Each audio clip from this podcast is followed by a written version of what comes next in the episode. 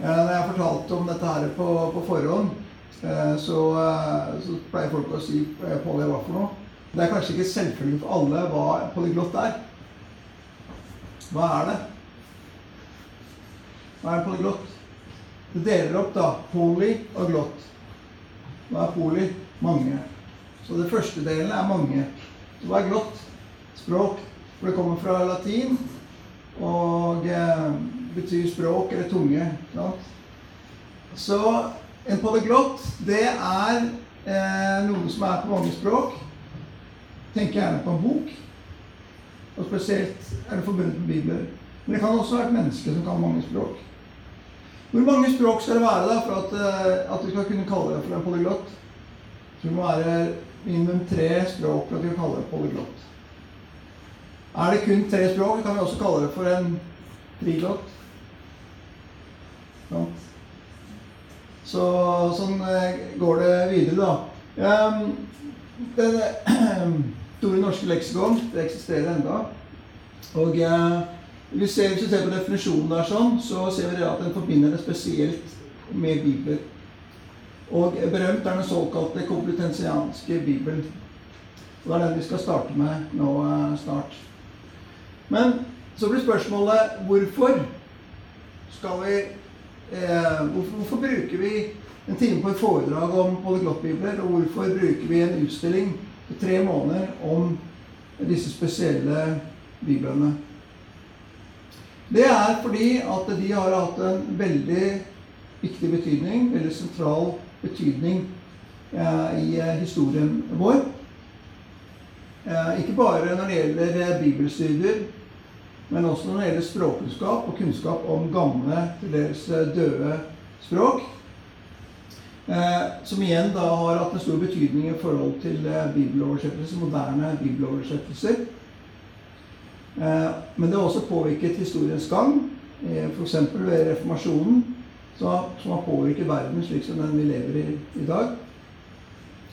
Um, og den har også, de har også hatt en veldig stor betydning i forhold til trykkekunst og uh, typografi. Uh, disse polyglottbibelene som vi skal snakke om i dag, de har de er milepæler også i trykkekunstens historie. Så også folk som ikke er interessert i Bibelen, men som er interessert i trykking og typografi, er interessert i polyglottbiblene. Vi, når vi snakker om eh, de store polyglottbiblene, så snakker, er, snakker, vi om fire stykker vi snakker om. Eh, og den aller første det er den kompletenske eller kompletensianske polyglott. Som ble trykket i årene 1514 til 1517 i Alcala i Spania. Alcala er rett utenfor eh, Madrid. Vi starter nede i sørvestlige Europa, og så skal vi reise oppover til Antwerpen, det nåværende Belgia, men som den gangen var en del av eh, Nederlandene, spansk, spansk, Nederlandene. Den ble trykt 1569 til 1572. Og så skal vi reise litt sørvestover igjen, til Paris. Eh, til Paris-polyglotten, som ble eh, produsert over en ganske lang periode, fra, fem, eh, fra 1629 til 1645. Og så, til slutt, så skal vi opp til London, til London-polyglotten. Som da ble trykket 1655 til 1657.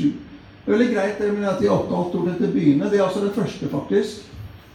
Jeg tenker hvorfor det? For den heter kompetansianske polyot, og her står det alcala. Det er fordi at komplut, eh, alcala på latin er complutum. Så den er også oppkalt etter stedet ble laget. Men alle disse her har også andre navn, som vi skal se på etter hvert. Men bare først se på kartet her nå. Altså, hva er det som er felles med de tre første polyglottbiblene? Hva er det de har til felles? Hvis du tenker på hvor i verden, hvor i Europa vi er, og på hvilket tidspunkt. Altså dette er da fra begynnelsen av 1500-tallet til eh, midten av 1600-tallet. Hvilken religion var det dominerte og var til deres enerådende i disse områdene, disse landene? Katolske kirke. Og så sa vi det at disse her har hatt en veldig stor betydning i forhold til bibeloversettelse, til folkespråk, til moderne språk. Og Det er ganske paradoksalt med tanke på det er velkjent historisk faktum eh, den katolske kirkes motstand mot eh, bibeloversettelser til folkespråkene. Så det er, kan man si, eh, litt av skjebnens eh, ironi. Så vi eh, vi runder altså av etter hvert oppe i London, og da kommer vi også inn på noen av de, flere av de som vi har i utstillingen i dag, som ble laget i England på 1800-tallet, hvor vi skal avslutte. Eh, før vi går videre, i tillegg til det geografiske aspektet som vi har sett på der, så kan vi også ta med oss tidsaspektet litt. Og så til kolonien til venstre så har vi da disse fire store eh, eh polyglottene. Og til høyre så har vi da andre eh, bibler, kjente bibler, viktige bibler, og andre viktige historiske hendelser. I hvert fall et eh, lite utvalg av dem. Og vi eh, begynner, som dere ser her oppe, med, med Gutenberg-bibelen, 1454-55, som vi har eh, vanligvis her, under der hvor det er sånn serveringsstand nå. Eh, og så ser vi og vi har tatt med et par historiske ting her som er viktig eh, i forhold til den komplutensianske polyglotten. Vi begynner med, Det er det som skjedde da i Spania, hvor, hvor Grenada ble erobra 1492, og egentlig begynnelsen da, til det spanske eh, kongedømmet, kan vi si. Etter hvert den spanske supermakt. Samtidig, som skjer samtidig med at Columbus da oppdager Amerika. Så kommer da Allerede i 1514 begynner da produksjonen av komplutensianske polyglott. 1516 så kommer Erasmus med sitt greske Nyttestament. Eh, det er da det første publiserte greske Nyttestamentet. Men I foredraget fra måneden siden så sa vi at det var ikke det første trykte. Her, For en måned siden så viste vi en original av Erasmus 1516 greske Nyttestament, som er veldig veldig viktig i Bibelen, bibelhistorien, men det er ikke det første trykte. For det første trykte var Nytestamentet i kompetansianske polyglott. Det ble trykket året før i 1514. Trykkingen ble påbegynt i 1513 og trykt ferdig i 1514. Men fordi at ikke det ble spesielle årsaker vi skal komme inn på etter hvert, eh, publisert før eh, ca. 1520-1522, så er det Rasmus som ble stående som det som da fikk eh, størst betydning. 1517 så er eh, Luther ute og banker på kirkedører, og reformasjonen starter. Um, I 1522 eh, så, eh, så oversetter Luther Nytestamentet til tysk fra gresk. Det første oversettelse fra gresk til moderne språk. Dette snakket vi om for en, for en, måned siden. Og i 1526 så følger Tyndel etterpå med, etter med det engelske bistandstestamentet. Så går det videre ut i Bibelen. Så kommer de skandinaviske Vasa-bibelen 1541 og Kristian 3.s bibel. 1550 så er det en veldig viktig utgave av Det greske Nytestament til, eh, til eh, den store trykkeren Robert Estien, eller Stefanus på latin, som da har blitt den såkalte Textus Receptus, den overleverte tekst. Det han gjør, er det at han tar Rasmus og trekker inn fra den kompetensianske polyglot i den. Det ser går ganske langt opphold fra den første til den andre Antwerpen-polyglotten. Den får også stor betydning i forhold til bibeloversettelser. Eh, Bl.a. i forhold til King James 1611, hvis oversettere bruker Antwerpen-polyglotten eh, for å hjelpe seg med arbeidet. 1627 unnskyld, så eh, forærer patriarken av Konstantinopel Eh, et veldig viktig eh, bibelmanuskript som heter Codex Alexandrinus, til eh, kong Karl 1. av England. Kong Karl 1. kommer snart til å miste hodet sitt, men det veit han ikke på det tidspunktet. Og denne får igjen betydning om et øyeblikk. I 1629 så kommer den såkalte Paris-polyglotten Den største av de alle rent volummessig. Bindene var på 51 cm høyre, altså over en halv meter store. Og det var ti stykker av de. Det var en enorm, enorm produksjon, men den ble veldig fort overskygget av en enda større innholdsmessig produksjon og viktigere vitenskapelig sett, London-polyglotten 1655-1657. Og den trekker da inn som det første også tekstvarianter fra Codex Alexandrinus, og blir således begynnelsen til den moderne tekstkritikken. Det skjer på et veldig spesielt tidspunkt, for det raser eh, Det er uh, borgerkrig i England som tar til 1642. Uh, på dette tidspunktet så ligger den krigen nede, men da Cromwell dør i 1658, så kommer royalistene tilbake på banen og får Karl 2., sønn av Karl 1., innsatt som konge i 1660. Vi kommer nærmere inn på dette her etter hvert men vi skal snakke om London-polyglotten. Eh, det er litt eh, store bilder rundt dette her, og tidsstrømmen er alltid greit å se ting i, i, relasjon til noe annet. Så da begynner vi med den første, den kompetensialske polyglott, nede i Spania. Sånn ser forskjellen til den ut. Eh, legg merke til eh, det fine røde bildet der. Det er våpenskjoldet til han som var initiativtaker, og som finansierte hele prosjektet ut fra sin egen private lomme. Og hvis dere ser den hatten der oppe Vet du hva det er? Kardinalhatt. Han var, han var kardinal.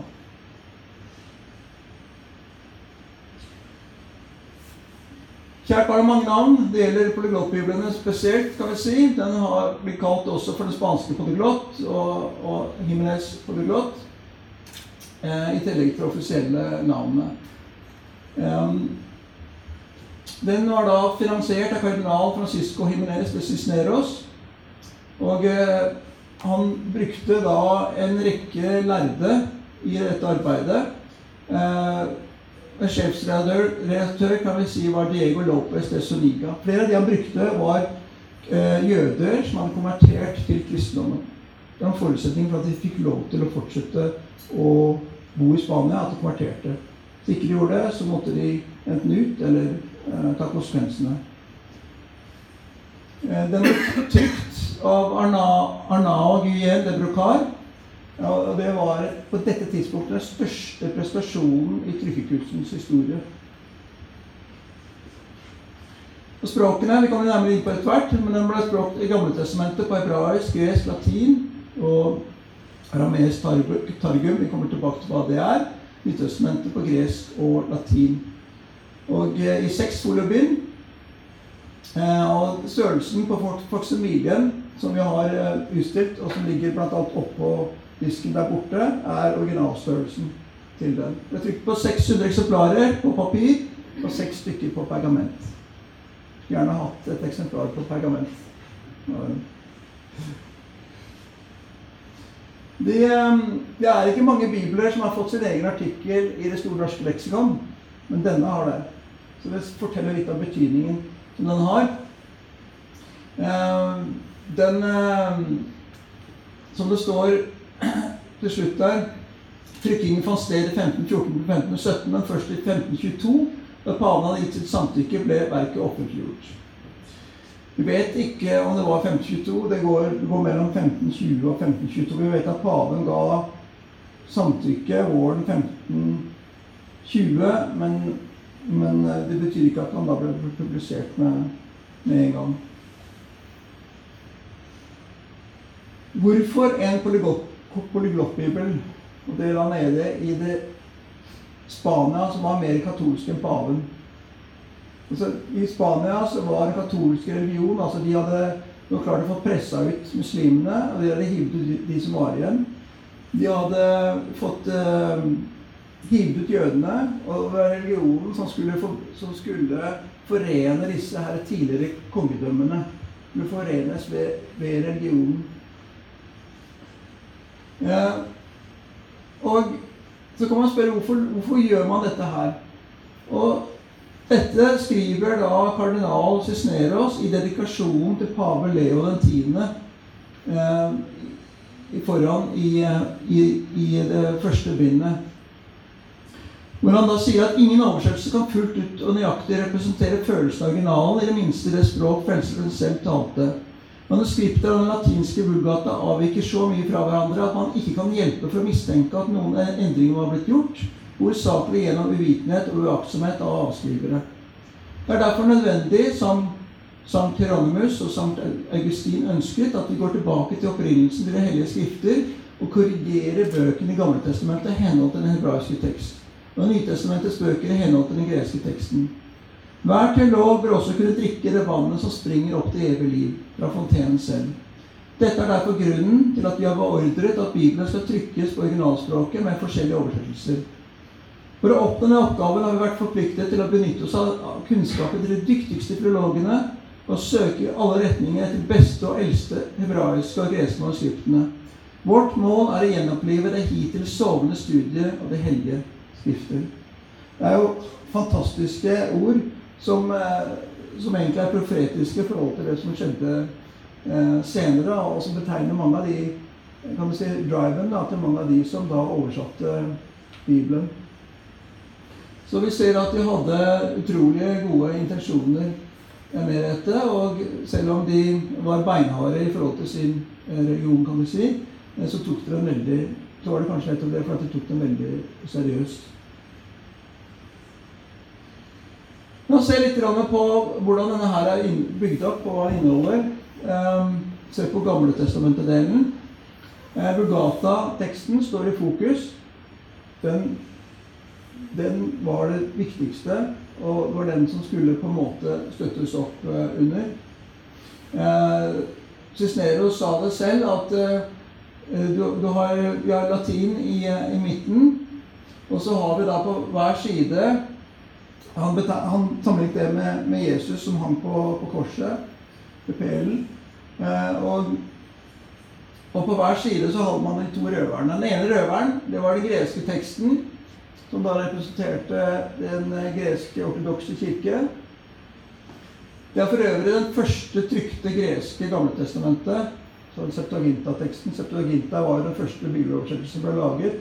Eh, i Alexandria av, av, jøder på et par hundre år før vår tidsregning. Det er altså det første trykte greske Gamletestamentet.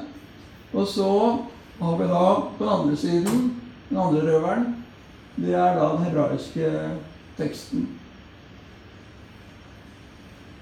Eh, nederst så har vi da armeisk eh, targum. Hva, hva er det? Det er parafrase av eh, den hebraiske teksten som ble laget i sin tid for jøder som ikke lenger forsto eh, hebraisk. Og en latinsk oversettelse av den. Nytestamentet Teksten var eh, kun gresk og latin, men den greske teksten var det første, altså det første trykte greske Nytestamentet. Så det er en meget historisk bok som vi snakker om her.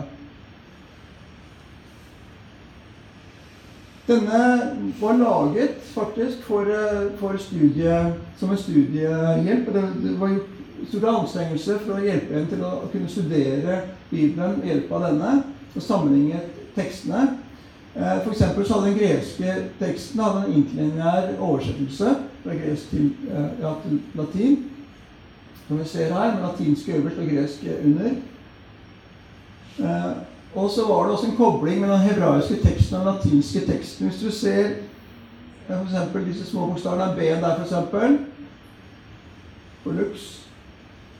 Lys, så har vi B-en der på det hebraiske ordet. Så man kunne se hvilket, eh, hvilket eh, hebraisk ord som var oversatt med hvilket latinsk ord, og, og, og motsatt.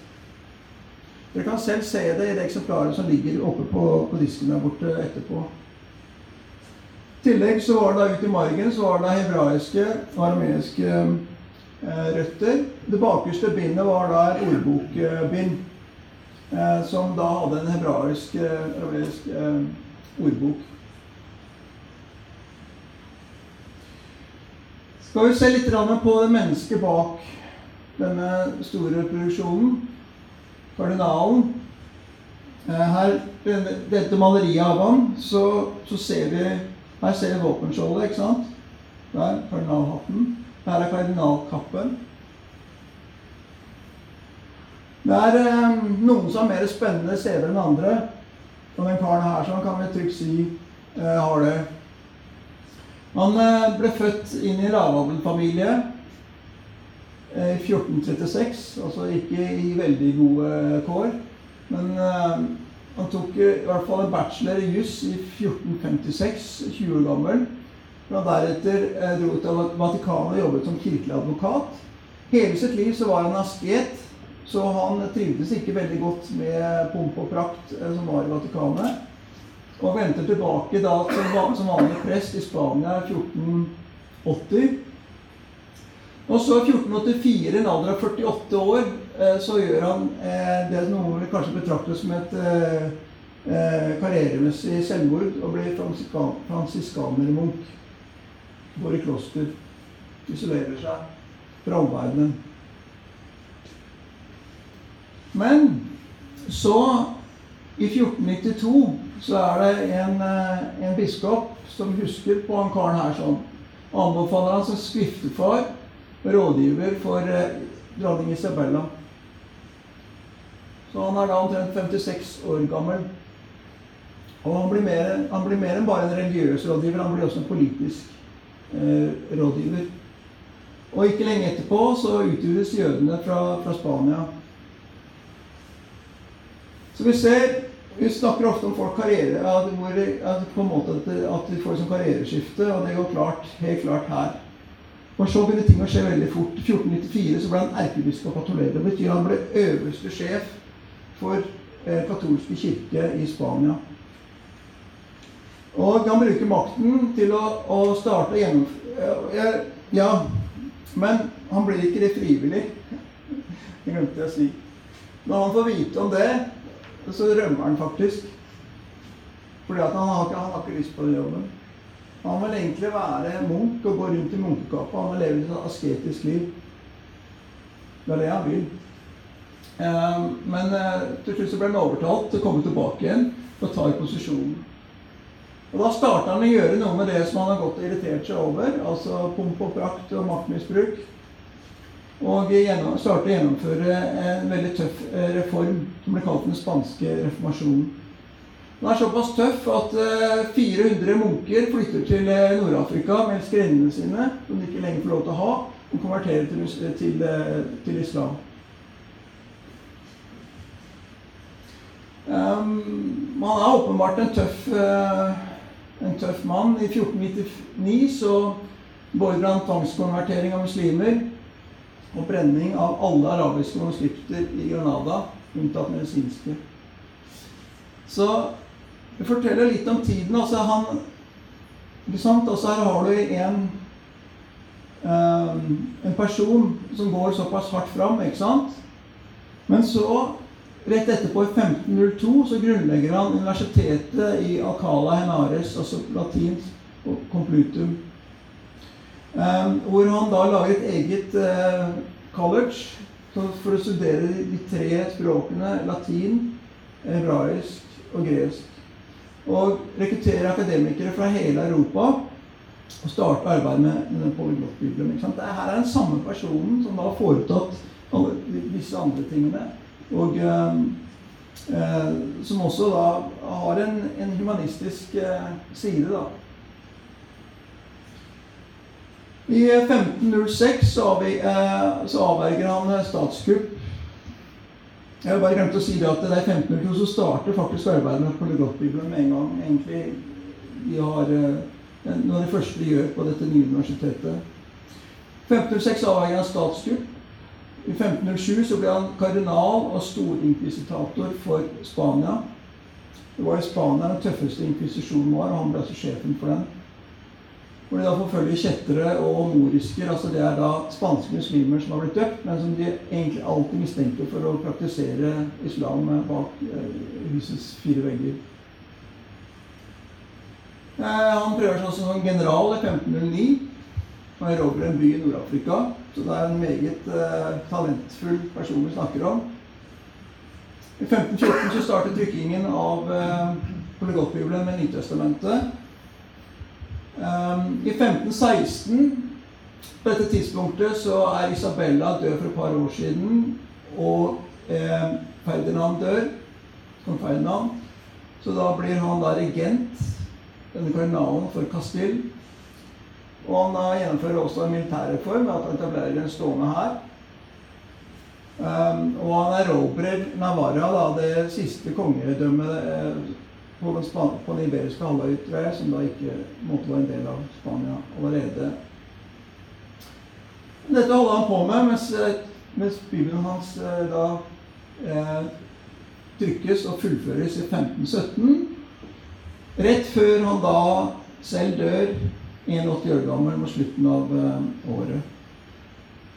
Da han opplever å se Bibelen sin ferdig trykket, Eh, men han, ser, han, opplever ikke å se den eh, da publisert, for det skjer altså da ikke før i 1520-1522. For det er ikke bare det er ikke bare vår gode kardinal som dør. Paven dør også, så det blir paveskifte. Og da er det på en måte en, må på en måte en ny runde igjennom for å få godkjennelse. Det er eh, Dessverre så blir Eh, jeg vet ikke hvor mange, men en del av disse biblene, de flotte biblene, er lastet på samme båt som, skal seile, som seiler til Italia og forliser. Så en, en ganske stor del av opplaget forsvinner altså med en gang. Så det blir altså ganske fort pga. det en bibeltørke igjen. Disse eksemplarene som er igjen, de blir etter hvert veldig sjeldne og kostbare og vanskelig å få tak i. Og folk som har behov for en ny polyglott. Og da beveger vi oss opp til Antwerpen og 1569, hvor vi da får Antwerpen-polyglotten. Um, og uh, den uh, har også flere navn. Ble også kalt for Bibla Regia, Den kongelige bibel, fordi at den var sponset av kong Philip 2. Av, av Spania og Nederlandene. Ble også kalt for Plantin-paviljotten etter trykkeren Kristoffer Plantin, som trykket den. Um, sjefsredaktør det var Benedictus Arius Montanus. Trykker Kristoffer Plantin, som sagt, den viktigste trykkeren i Europa på sitt tidspunkt. Og denne bibelen eh, representerer hans største prestasjon i hele sin karriere. Og også hans største utgiftspost. Eh, den ble finansiert riktignok i hvert fall delvis finansiert av Philip 2. av Spania og Nederland, som visstnok var veldig interessert i dette her. Og eh, som da ønsket å, å, å egentlig lese korrektur. Eh, men hvis han skulle sendt én og én side av gårde til han ned til Spania, da han skulle korrigere og sende tilbake, så ville den ikke vært trykket ferdig i dag. Sikkert. Så, så han sendte den ark i begynnelsen, og så, og så trykte han resten. Um, den um, er på hebraisk i Det gamle testamentet. Hebraisk, gresk, latin og, uh, arameisk. Og i Nytestamentet gresk, latin og syrisk. Og syrisk var en viktig tilføyelse da den syriske oversettelsen av Nytestamentet kom veldig tidlig. Så er viktig i forhold til tekstkritikk. Åtte foliobind. Litt større enn den foregående eh, polyglottbibelen. Men sånn skal det helst være når det gjelder bibler. Akkurat som de, de danske kongebiblene. De skulle, den ene skulle helst være større enn den som den erstattet. Hun lager 1200 eksemplarer, og derfor 13 på pergament. Og et av de eksemplarene på pergament ble akkurat solgt på Christies for 500 eh, 000 pund. Så da kan dere gange, selv om pundet har gått ned litt, så kan dere gange med 11 tror jeg. Så um, den um, Men som sagt, det ble bare litt 13 stykker på pergament, og ikke alle de 13 eksisterer ennå, så det tyder spørsmål. Dette er kanskje den vakreste av alle de store polyglottene. Eh, det er også en enorm produksjon. Det krevde 13 trykkpresser og 53 mann. De holdt på da i tre år. Så kan vi begynne å tenke på hva det hadde kosta i dag. produsere noe sånt nå. Så Plantin har måttet pantsette huset sitt. Det gylne kompass i eh, Antwerpen. Kommer dere noensinne til Antwerpen, så må dere gå og besøke museet der. Plantin Moreus-museet i Antwerpen, som er i det huset enda. Da har de den, de eldste eh, trykkpressene i verden eh, som fremdeles finnes innad i det huset. Og man finner også eh, denne stoltheten hans, denne bibelen, utstilt eh, der. Den ligger den gamle delen av Antwerpen, så veldig, veldig fin, koselig sted. Kristoff Plantin var også en meget produktiv eh, kar, i likhet med kardinalen. Han var født fransk opprinnelig utdannet bokbinder.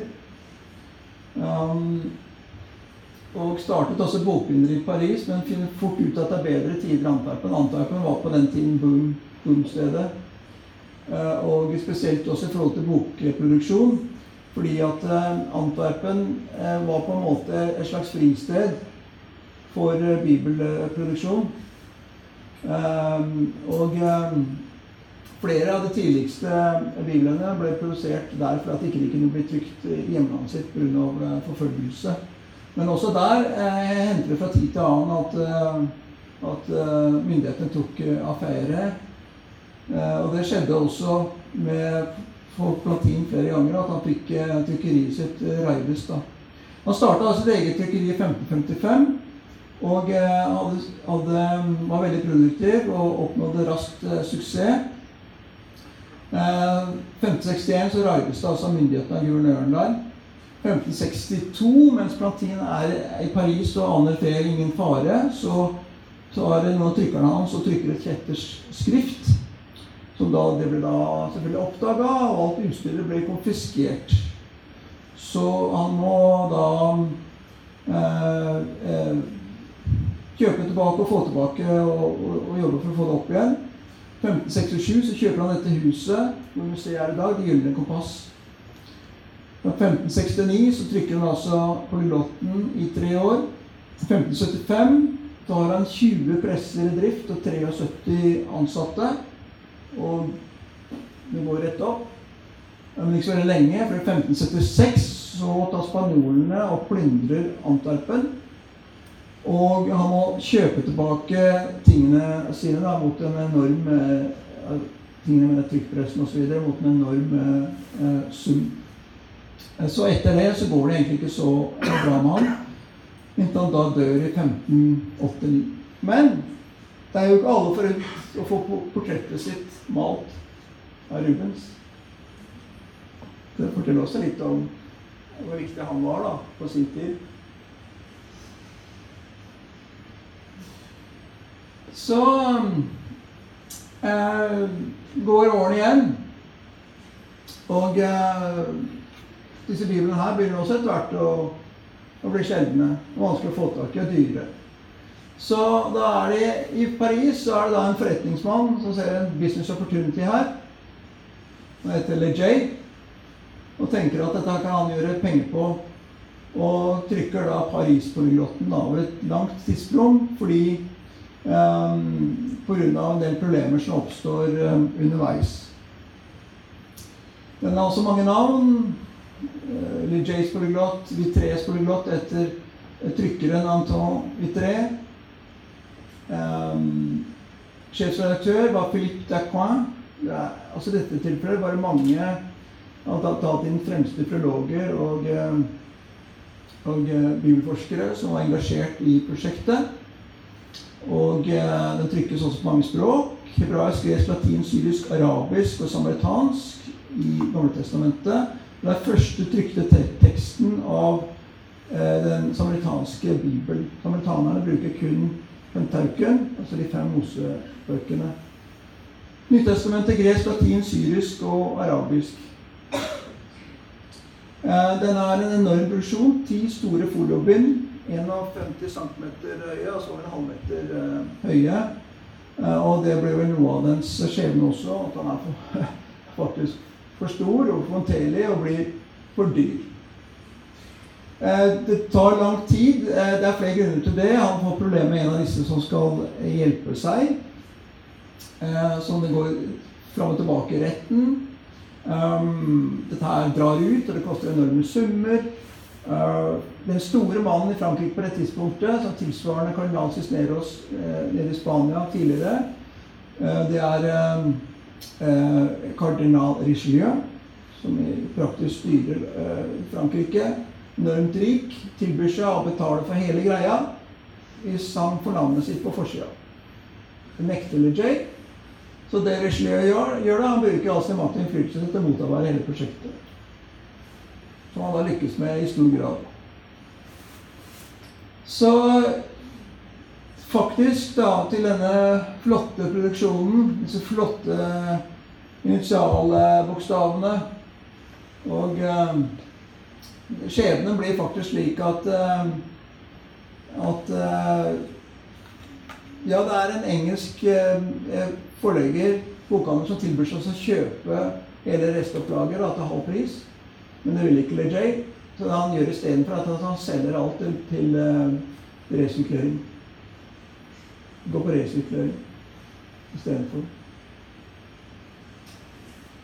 Og en av grunnene til det er det at den raskt overskygges av eh, en annen polyglottbibel, som da blir kulminasjonen av de store polyglottbiblene.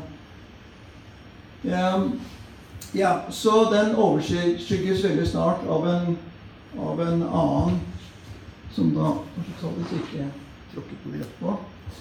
Um, som da kommer i London. London, eh, Jeg Trykk på riktig knapp her, ikke rote til igjen.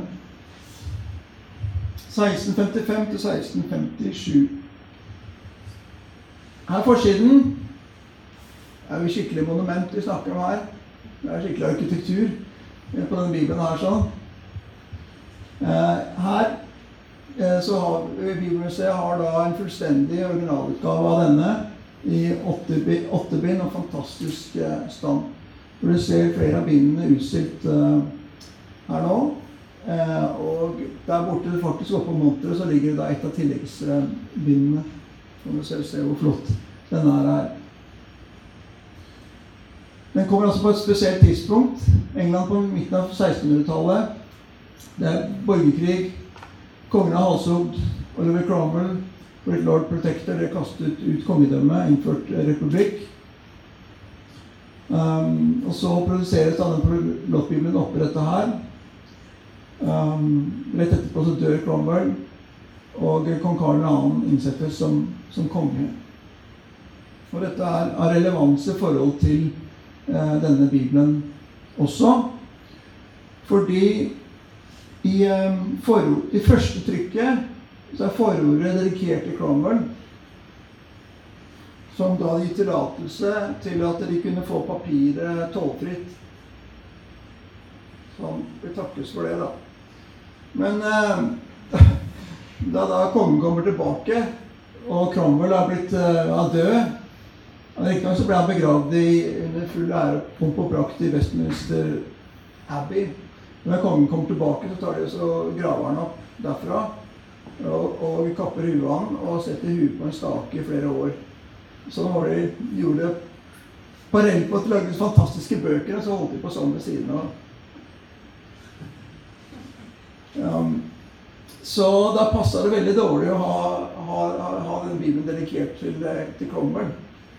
Så da har de, de senere eh, trykken av det, av det dedikasjon til kongen isteden, som, det, som så, så hører og bør.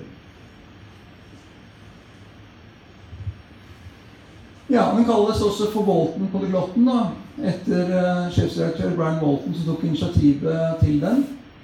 Um, dette med finansiering har jo da vært et, et stor issue så langt. med de tre, uh, eller vært et viktig issue med de tre første som vi har sett, fordi at dette er så enormt kostbart å produsere. Her var det faktisk ikke en enkeltperson som betalte eh, hele gildet. Det ble finansiert med forhåndsabonnement. Og jeg er den første publikasjonen i England til å bli finansiert på den måten. Det er litt sånn som crowdsourcing i dag, ikke sant? At eh, mange mange bidrar med litt til å få et uh, nytt prosjekt, et nytt produkt lansert. Så dette var den tidens crowdsourcing. ble trykt av Thomas Roycroft. Er også en enorm produksjon når vi ser på språkene som er involvert der. Gamletestamentet, hebraisk, gresk, latin, aramesk, syrisk, arabisk, samaritansk, etiopisk. Og Nytestamentet gresk, latin, syrisk, arabisk, etiopisk og persisk. Og de fleste av disse hadde da også en latinsk oversettelse ved siden av. Kan vi tenke oss hva det alt arbeidet var for å lage noe sånt nå. Bladet er utgitt i første gang i seks bind. Og så kom det da to eh, folio, eh, to bind tillegg ca. 20 år eh, etterpå. Hvor det ene da ligger original der oppe på, på bordet. Dette er da, som jeg tidligere nevnte, den første som har tekstkritiske noter fra Codex Alexandrinus. Og i tillegg så har han da varianter fra 15 manuskripter. Eh, og så disse to tilleggsbindene som nevnt. Som da inneholdt eh, ordbøker til alle de orientalske språkene i polyglotten. Og også den eneste av disse store polyglottene som har eh, illustrasjoner. Slik som her så ser vi en illustrasjon av, av Jesu dåp. Um, denne var da den første som da ikke var produsert av katolikker. Så um, eh, da ble det også enkelt da for, uh, for, for det å sette denne da på, på indeks Librorium Prohibitorum Roma. Vet du hva det er? Eller var? Den eksisterer ikke lenger. Det er ikke så mange år siden den ble borte. men det var da Matikanske kirkes eh, liste over forbudte bøker. Og som regel ofte Altså, det var ikke så farlig med hebraisk og gresk og sånn, men hvis du eh, tukla med den latinske teksten i Lugata, så står vi i fare for å havne på lista. Den røde lista, kan vi si. Eller svartlista. Slik ser den ut. Opp til venstre så har vi da den hebraiske teksten med en latinsk oversettelse av den. Vi har da den greske teksten med en latinsk oversettelse av den. Vi har den armeiske teksten med en latinsk oversettelse av den.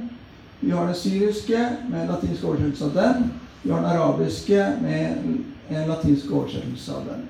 Som jeg sa, en fantastisk produksjon. I tillegg så har vi da eh, samaritansk i Mosebøkene, etiopisk i salme, høysangen og persisk i evangeliene.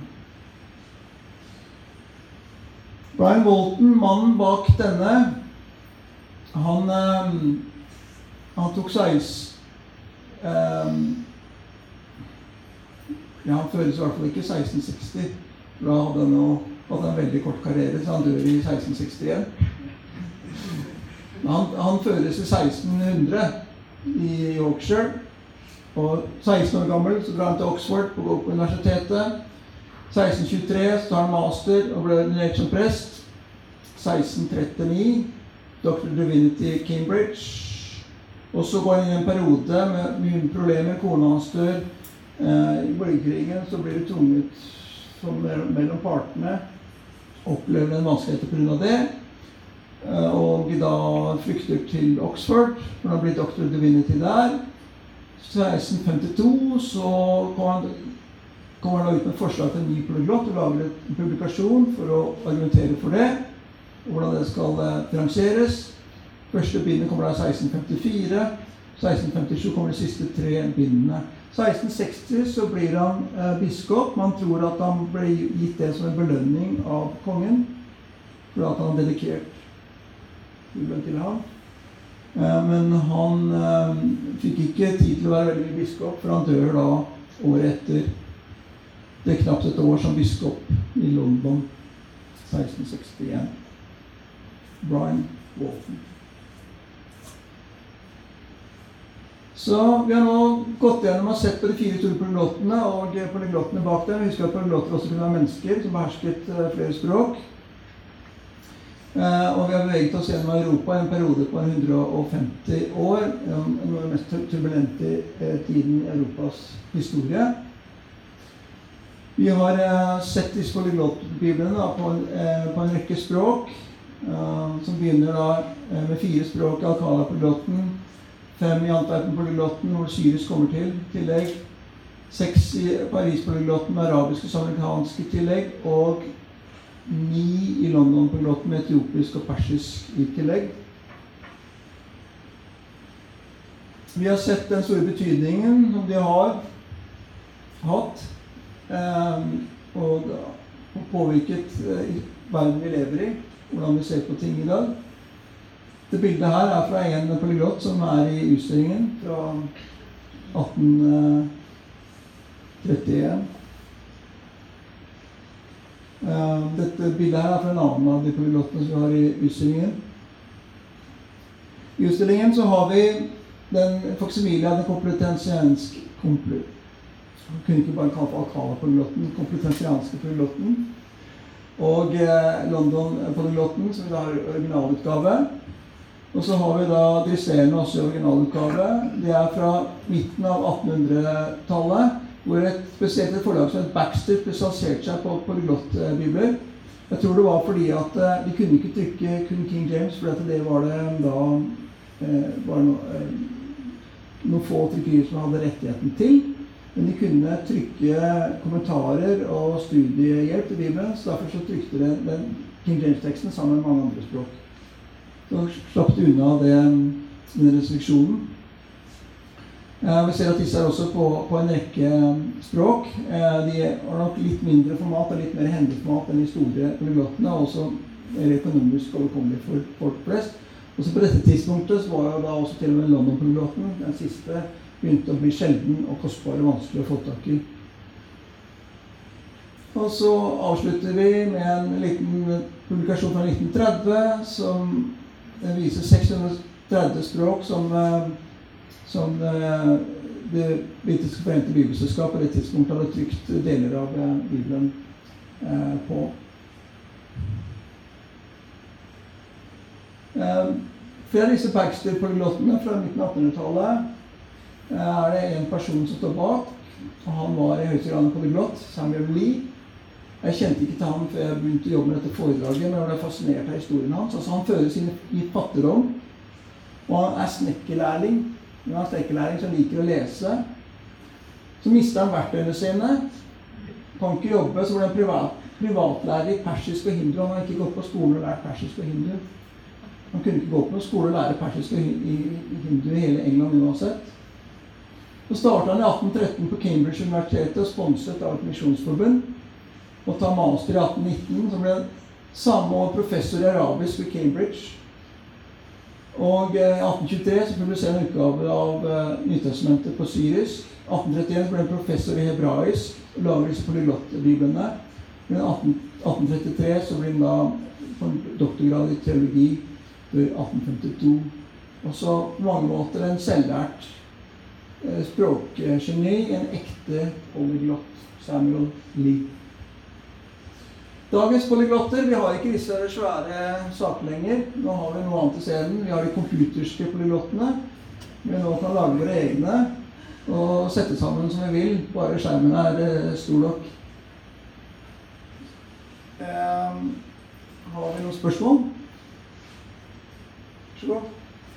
Jeg lurer litt på de tekstene.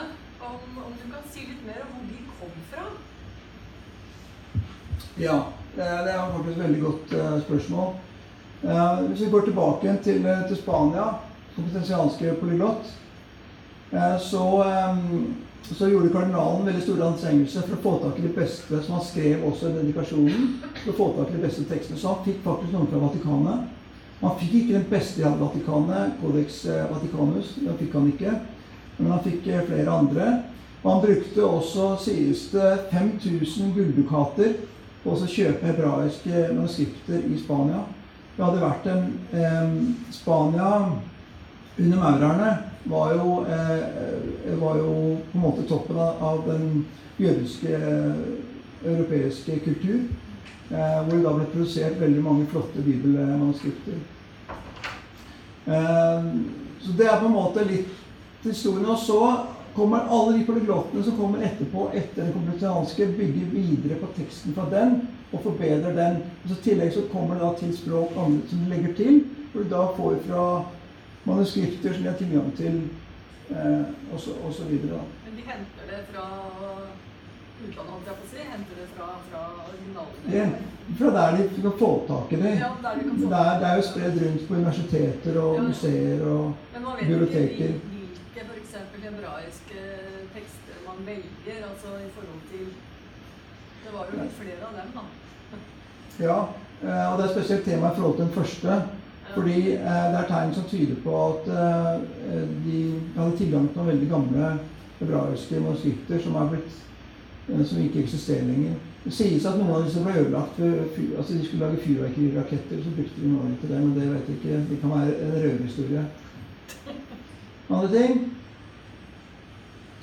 Se, kan man se eh, veldig klare for, eh, eh, altså forskjeller mellom de som er katolske og, og den London-polyglotten? Eh, nei, altså eh, Teologi påvirker egentlig ikke tekstene som sådan. Nei. Så sånn sett så kan man jo spørre seg om hvorfor man Hvorfor, man, hvorfor de sponser den, og så tar de setter den på, på den lista over forbudte verker. Men det var spesielt hvis man, hvis man på en måte rørte det som for de var den hellige tekst, altså Vulgata. Ja. Yes? Du tar for meg.